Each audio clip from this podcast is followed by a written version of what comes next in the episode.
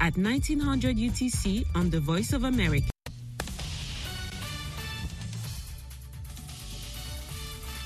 This is VOA News. I'm Richard Green. The U.S. Supreme Court has agreed to decide whether former President Donald Trump can be prosecuted on charges he interfered with the 2020 election. The court will hear arguments in April, with a decision likely no later than the end of June. The justice's order Wednesday maintains a hold on preparations for a trial focused on Trump's efforts to overturn his election loss. The timetable is much faster than usual, but assuming the justices deny Trump's immunity bid, it is not clear whether a trial can be scheduled and concluded prior to the November election. Trump's lawyers have sought to put off a trial until after the election. The funeral of Russian opposition leader Alexei Navalny, who died earlier this month, will take place on Friday. That's according to his spokesperson.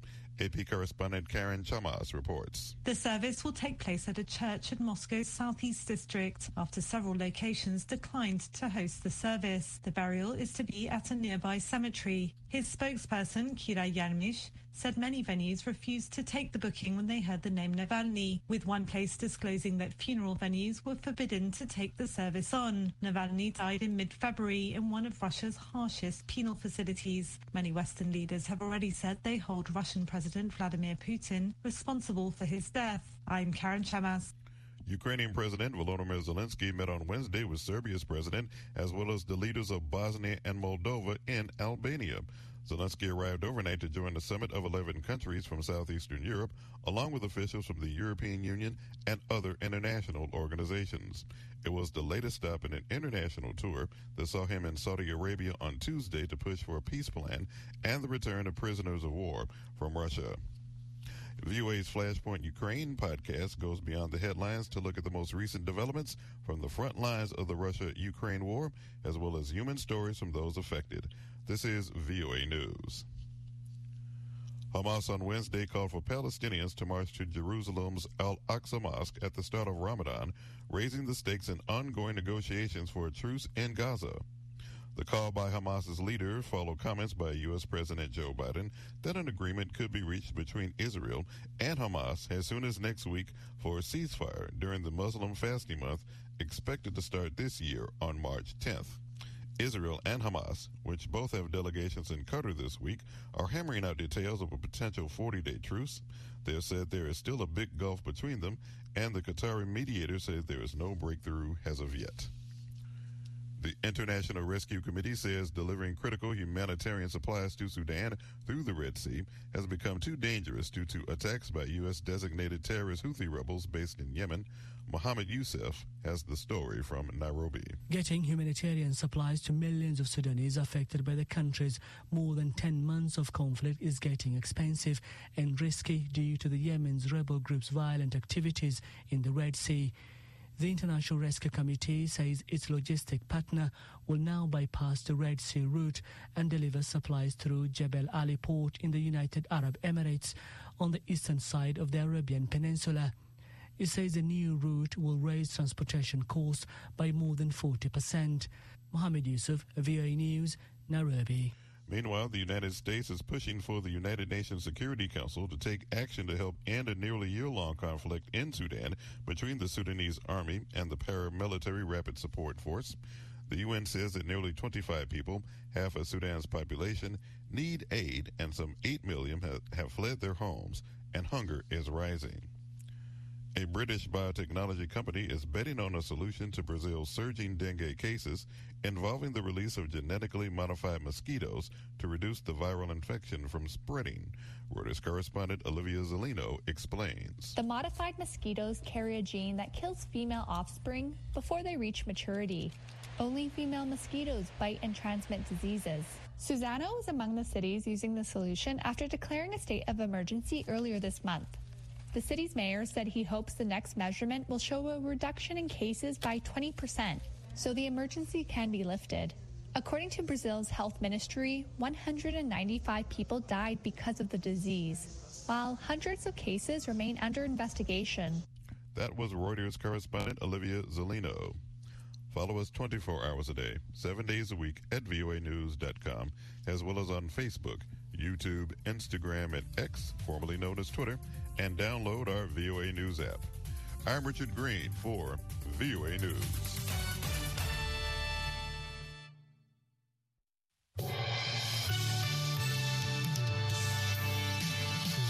Mitch McConnell will step down as the Senate Republican leader in November after a record run on the job.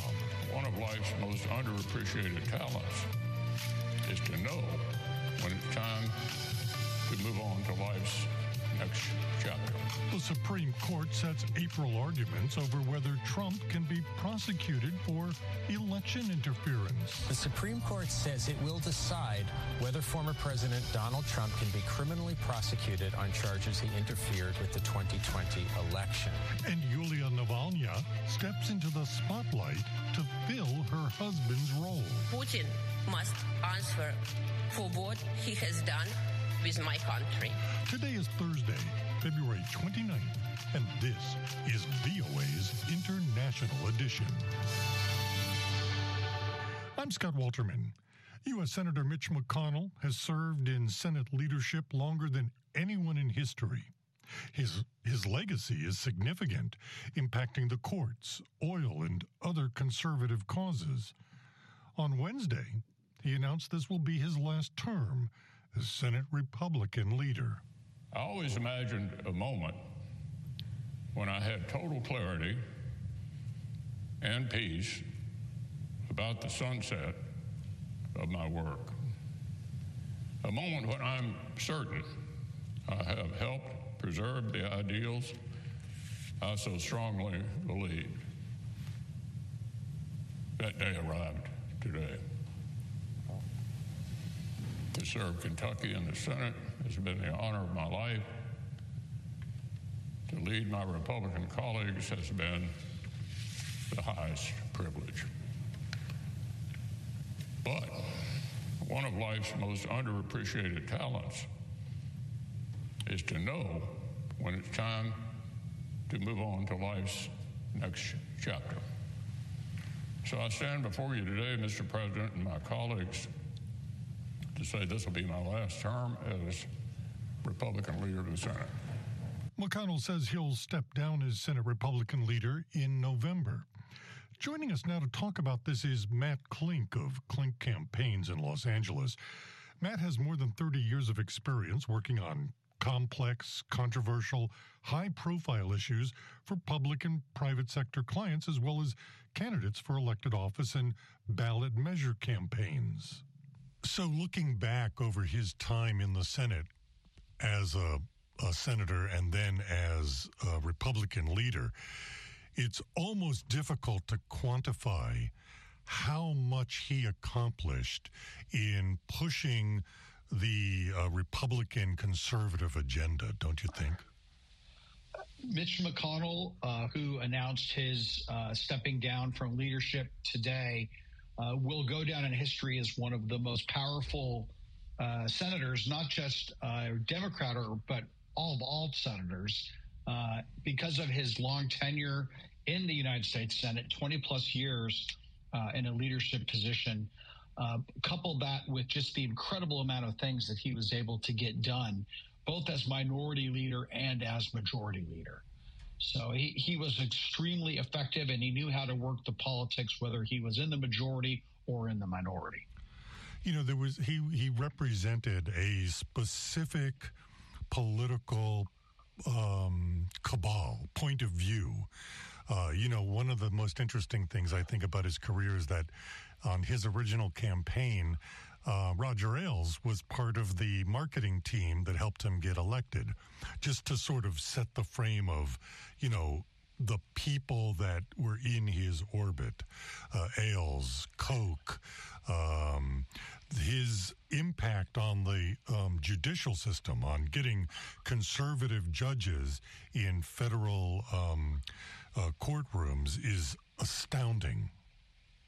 Oh, un- unquestionably, yeah. His his biggest legacy by far will be, you know, the the three Trump Supreme Court justices that are on the on the court right now, plus an untold number of federal uh, judges across the entire federal judicial ecosystem, uh, and equally important, he almost single handedly frustrated Barack Obama and uh, President Obama's ability to appoint progressive left leaning judges when he was in when he was in the majority and in the minority when Barack Obama was in office. So again, he is just someone he knew how to pull the level the levers of power at the right time and he was he was feared and respected by both sides and it's a big loss for for democracy today he, um, you know, was also a big proponent of um, American exceptionalism. Uh, the, his backing of, for example, um, our action in Ukraine and those kind of issues. Is this a, a pivot point for the Republican Party in the Senate? In many respects, Mitch McConnell uh, retiring highlights the the changeover that is occurring in the Senate. What you're seeing for Republicans is a more conservative populist agenda, uh, something that clearly Mitch uh, McConnell did not agree with, and that's why he has butted heads with Donald Trump so frequently. But he also has butted head with some of the younger, uh, more aggressive members in the United States Senate uh, and look, we're, we're, this is not just a Republican phenomenon. We're seeing it on the Democrat side of the aisle as well. The the the comedy and the uh, the the ability to work across the aisle that has been the hallmark of the Senate is now largely being lost, and it's becoming much more tribal, like the House of Representatives. So, uh, I think that the, the straw that broke the camel's back for leader McConnell was the Ukrainian funding bill, where he couldn't corral enough Republicans to pull that that measure over the line. Uh, and it, I think that that was just a that was the, another example of the writing on the wall that it was time to step down as leader. Matt Klink of Klink Campaigns. The U.S. Supreme Court has agreed to decide if Donald Trump's claim that he is immune from criminal charges in his election interference case. They'll hear arguments in April, with a decision by the end of June. With details, here's AP Washington correspondent Sagar Meghani. Lower courts have rejected Trump's novel claims that former presidents have absolute immunity for actions falling within their official job duties. An appeals panel here in Washington had ruled a federal judge was right to say that the case against Trump can proceed and he can be prosecuted for actions while in the White House and leading up to the Capitol riot. The high court justices are moving fast, saying they will hear arguments in late April and make a decision no later than the end of June. Sagar Meghani, Washington. In another case, a loss for Trump. In New York on Wednesday, an appeals judge ruled against him in a bid to pause a $454.2 million civil fraud judgment against him for overstating his net worth and real estate values to dupe lenders meaning he must soon find the cash or post a bond to prevent New York authorities from seizing his property while he appeals. Here's Associated Press correspondent Haya Panjwani with that story. A New York appellate court has rejected former President Donald Trump's proposal to stop the collection of a civil fraud penalty. His lawyers said they weren't able to obtain loans from New York banks because of a ruling in mid February banning Trump, his company, and his co defendants from doing so. But the appellate court judge paused that ban, which could help Trump secure the necessary bond. Former federal prosecutor David Weinstein says it's a 50 50 victory. What happened today was a partial victory for both sides both the defendants in this case as well as the attorney general. Weinstein said the next thing he expects Trump to do is request a loan from a New York bank. But he also believes that the state attorney general will continue to block any appeals or stays that could come from Trump and his lawyers. I'm Haya Panjwani.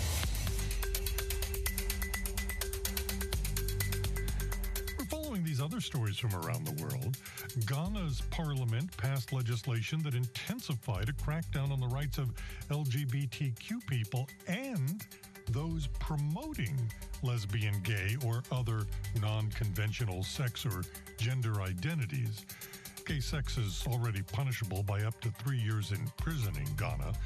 The bill now also imposes a prison sentence of up to five years for the willful promotion, sponsorship, or support of LGBTQ plus activities. Trade unions in Guinea on Wednesday said they are suspending a general strike that has paralyzed the military run country for three days after a prominent media activist was released. The Secretary General of the Union of Press Professionals of Guinea was detained last month for calling a demonstration against censorship. His release on Wednesday was one of the strikers' main demands in a country where protests are rare under junta leader Mamadi Doumbouya. Cuba's government said it plans to reschedule an unpopular five fold increase in retail gasoline prices on March 1st, a month later than initially planned, after Cuban officials said its systems had suffered a cyber attack. A fast moving wildfire burning through the U.S. state of Texas's panhandle has grown into the second largest blaze in state history. Fire is forcing evacuations and triggering power outages as firefighters struggle to contain the widening flames. It came up very fast. I saw the neighbor's house starting to burn and I called 911 and the fire trucks got here, but it was it just started really fast. Flames were going everywhere. And uh, by the time we got back, well, there was nothing left. The sprawling blaze is part of a cluster of fires that burned out of control and threatened rural towns where local officials spent the night shutting down roads, urging residents to leave their homes. The largest of the fires grew to nearly 1,280 kilometers. Authorities said it jumped into parts of neighboring Oklahoma and remained completely uncontained as dawn broke on Wednesday. U.S. President Joe Biden's administration is considering airdropping aid into Gaza as land deliveries become increasingly difficult. This, according to the news website Axios and also Reuters now reporting as well, citing four U.S. officials. An Israeli government spokesperson told a news briefing on Wednesday that the country puts no limits on the amount of humanitarian aid sent into Gaza. We say again, there is no limits to the amount of humanitarian aid for the civilians in Gaza. After nearly five months of war against Hamas, we know that once humanitarian aid does get in, the terror organization Hamas takes over. Looting is also a problem. But we are working with the Biden administration to find ways to improve the humanitarian assistance delivery. Spokesperson for the Israeli Prime Minister's office, Tal Heinrich.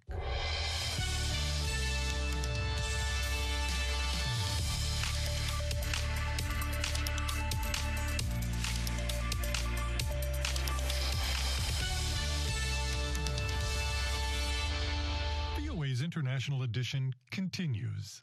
I'm Scott Walterman. Philippine President Ferdinand Marcos Jr. told the Australian Parliament on Thursday he would not allow any foreign power to take one square inch of the country's territory, and that Manila was firm in defending its sovereignty. We must oppose actions that clearly denigrate the rule of law.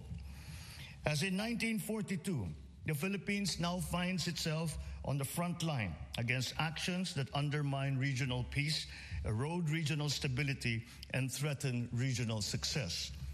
Then as now, we remain firm in defending our sovereignty, our sovereign rights, our jurisdiction. I shall never tire of repeating the declaration that I made from the first day that I took office. I will not allow any attempt by any foreign power to take even one square inch of our sovereign territory. Australia and the Philippines began their first joint sea and air patrols in the South China Sea in November, aimed at countering an increasingly assertive China. The protection of the South China Sea as a vital, cri- a critical global artery is crucial to the preservation of regional peace and, I dare say, of global peace. We have an abiding interest in keeping our seas free and open and in ensuring unimpeded passage and freedom of navigation. In the Ukraine war, 18 U.S. produced self propelled howitzers are part of the latest security assistance package bound for Ukraine, worth about $800 million. The howitzers are part of a $1.2 billion defense agreement between Ukraine and Germany. Anna Kostashenko takes us to one of the guns already in service. Fire!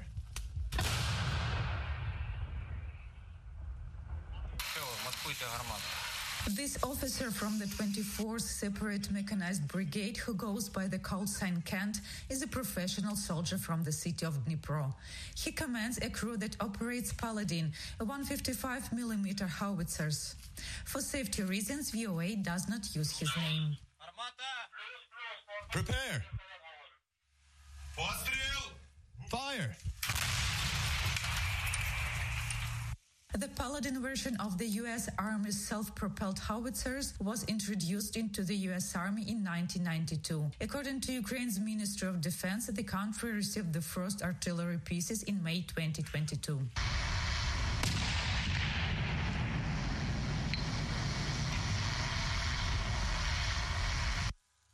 The 24th Separate Mechanized Brigade has been using them since the fall of 2023, says Kent.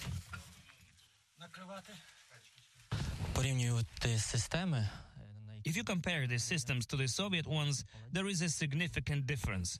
For example, the firing range for a Soviet howitzer is about 17 kilometers. For Paladin, it is at least 28. Or if we use the Excalibur shell, it is up to 40 kilometers.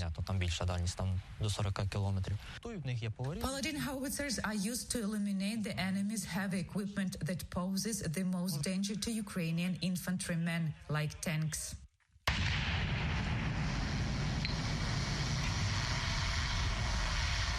35-year-old Lviv resident Bogdan worked in Estonia as a construction worker. He returned from Estonia to defend his native country when Russia invaded Ukraine in February 2022. He says he mastered the digital system of the Paladin howitzer in just a week and that the system increases the effectiveness of each shot.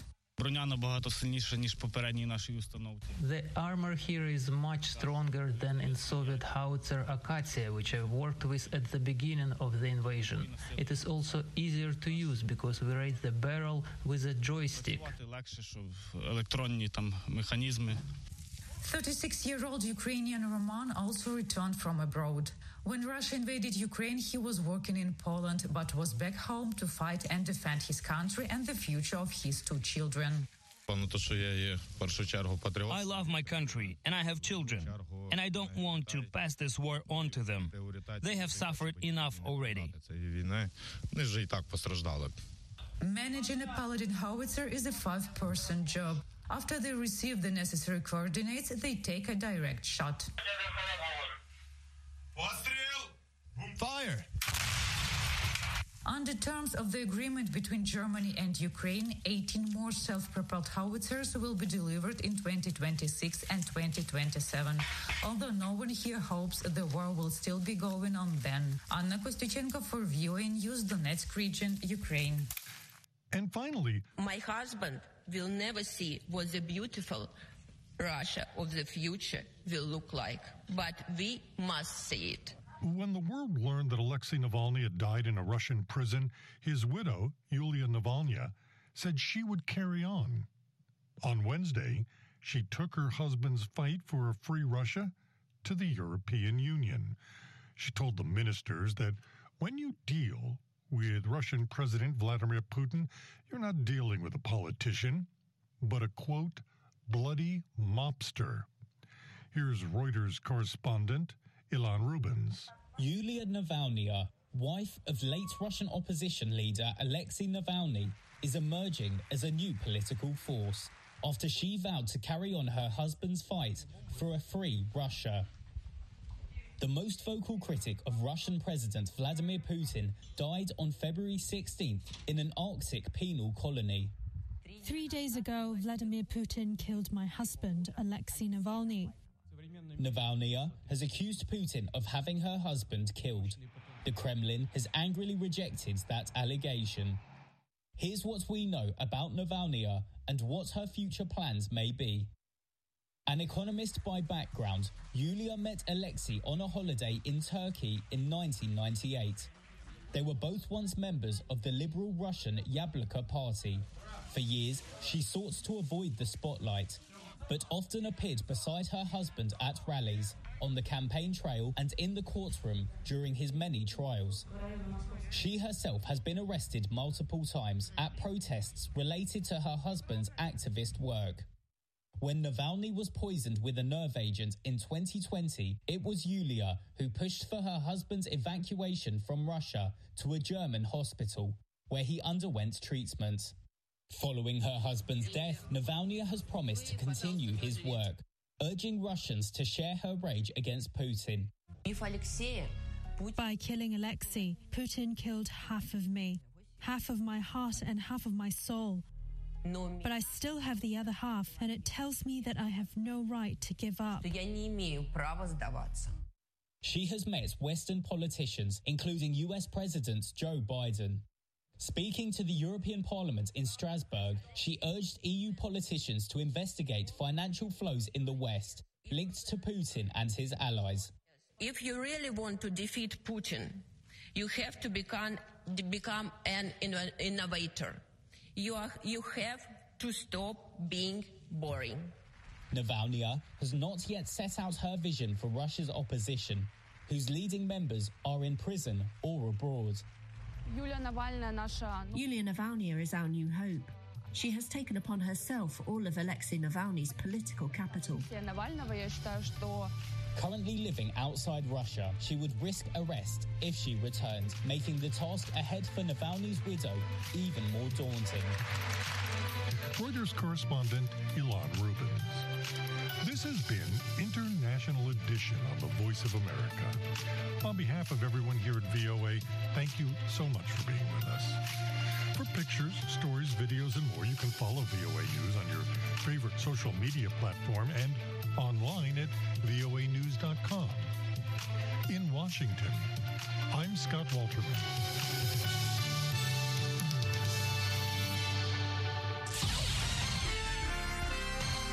Next, an editorial reflecting the views of the United States government. February 15th marked 13 years since the people of Libya rose up and deposed the regime of Muammar Gaddafi. But over the ensuing years, Libyans saw little peace. Terrorists attempted to gain a foothold there, while political disunity opened the doors to warlords who split the country, fighting over territory and oil fields.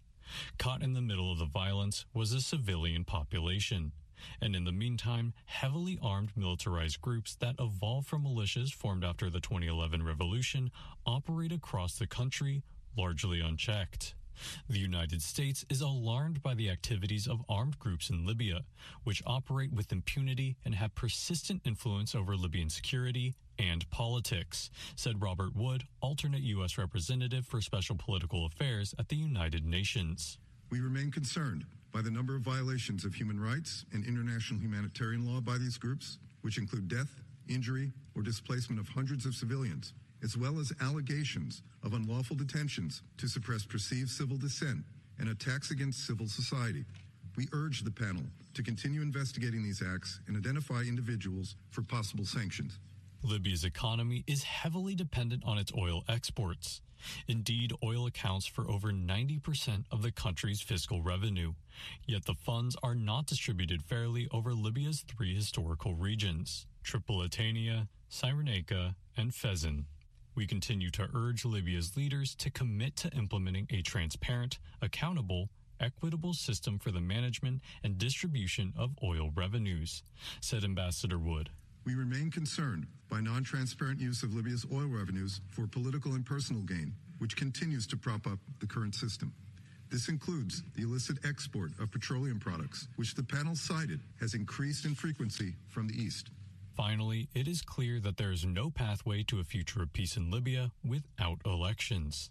We urge Libyan political leaders to name their representatives to attend UN facilitated preparatory talks aimed at addressing the core issues still standing in the way of elections, said Ambassador Wood. Those who continue to delay the process will hold a heavy share of the blame if yet more time passes without the election of a legitimate unified government. The Libyan people deserve change, progress, and hope. They deserve to choose their own leaders. That was an editorial reflecting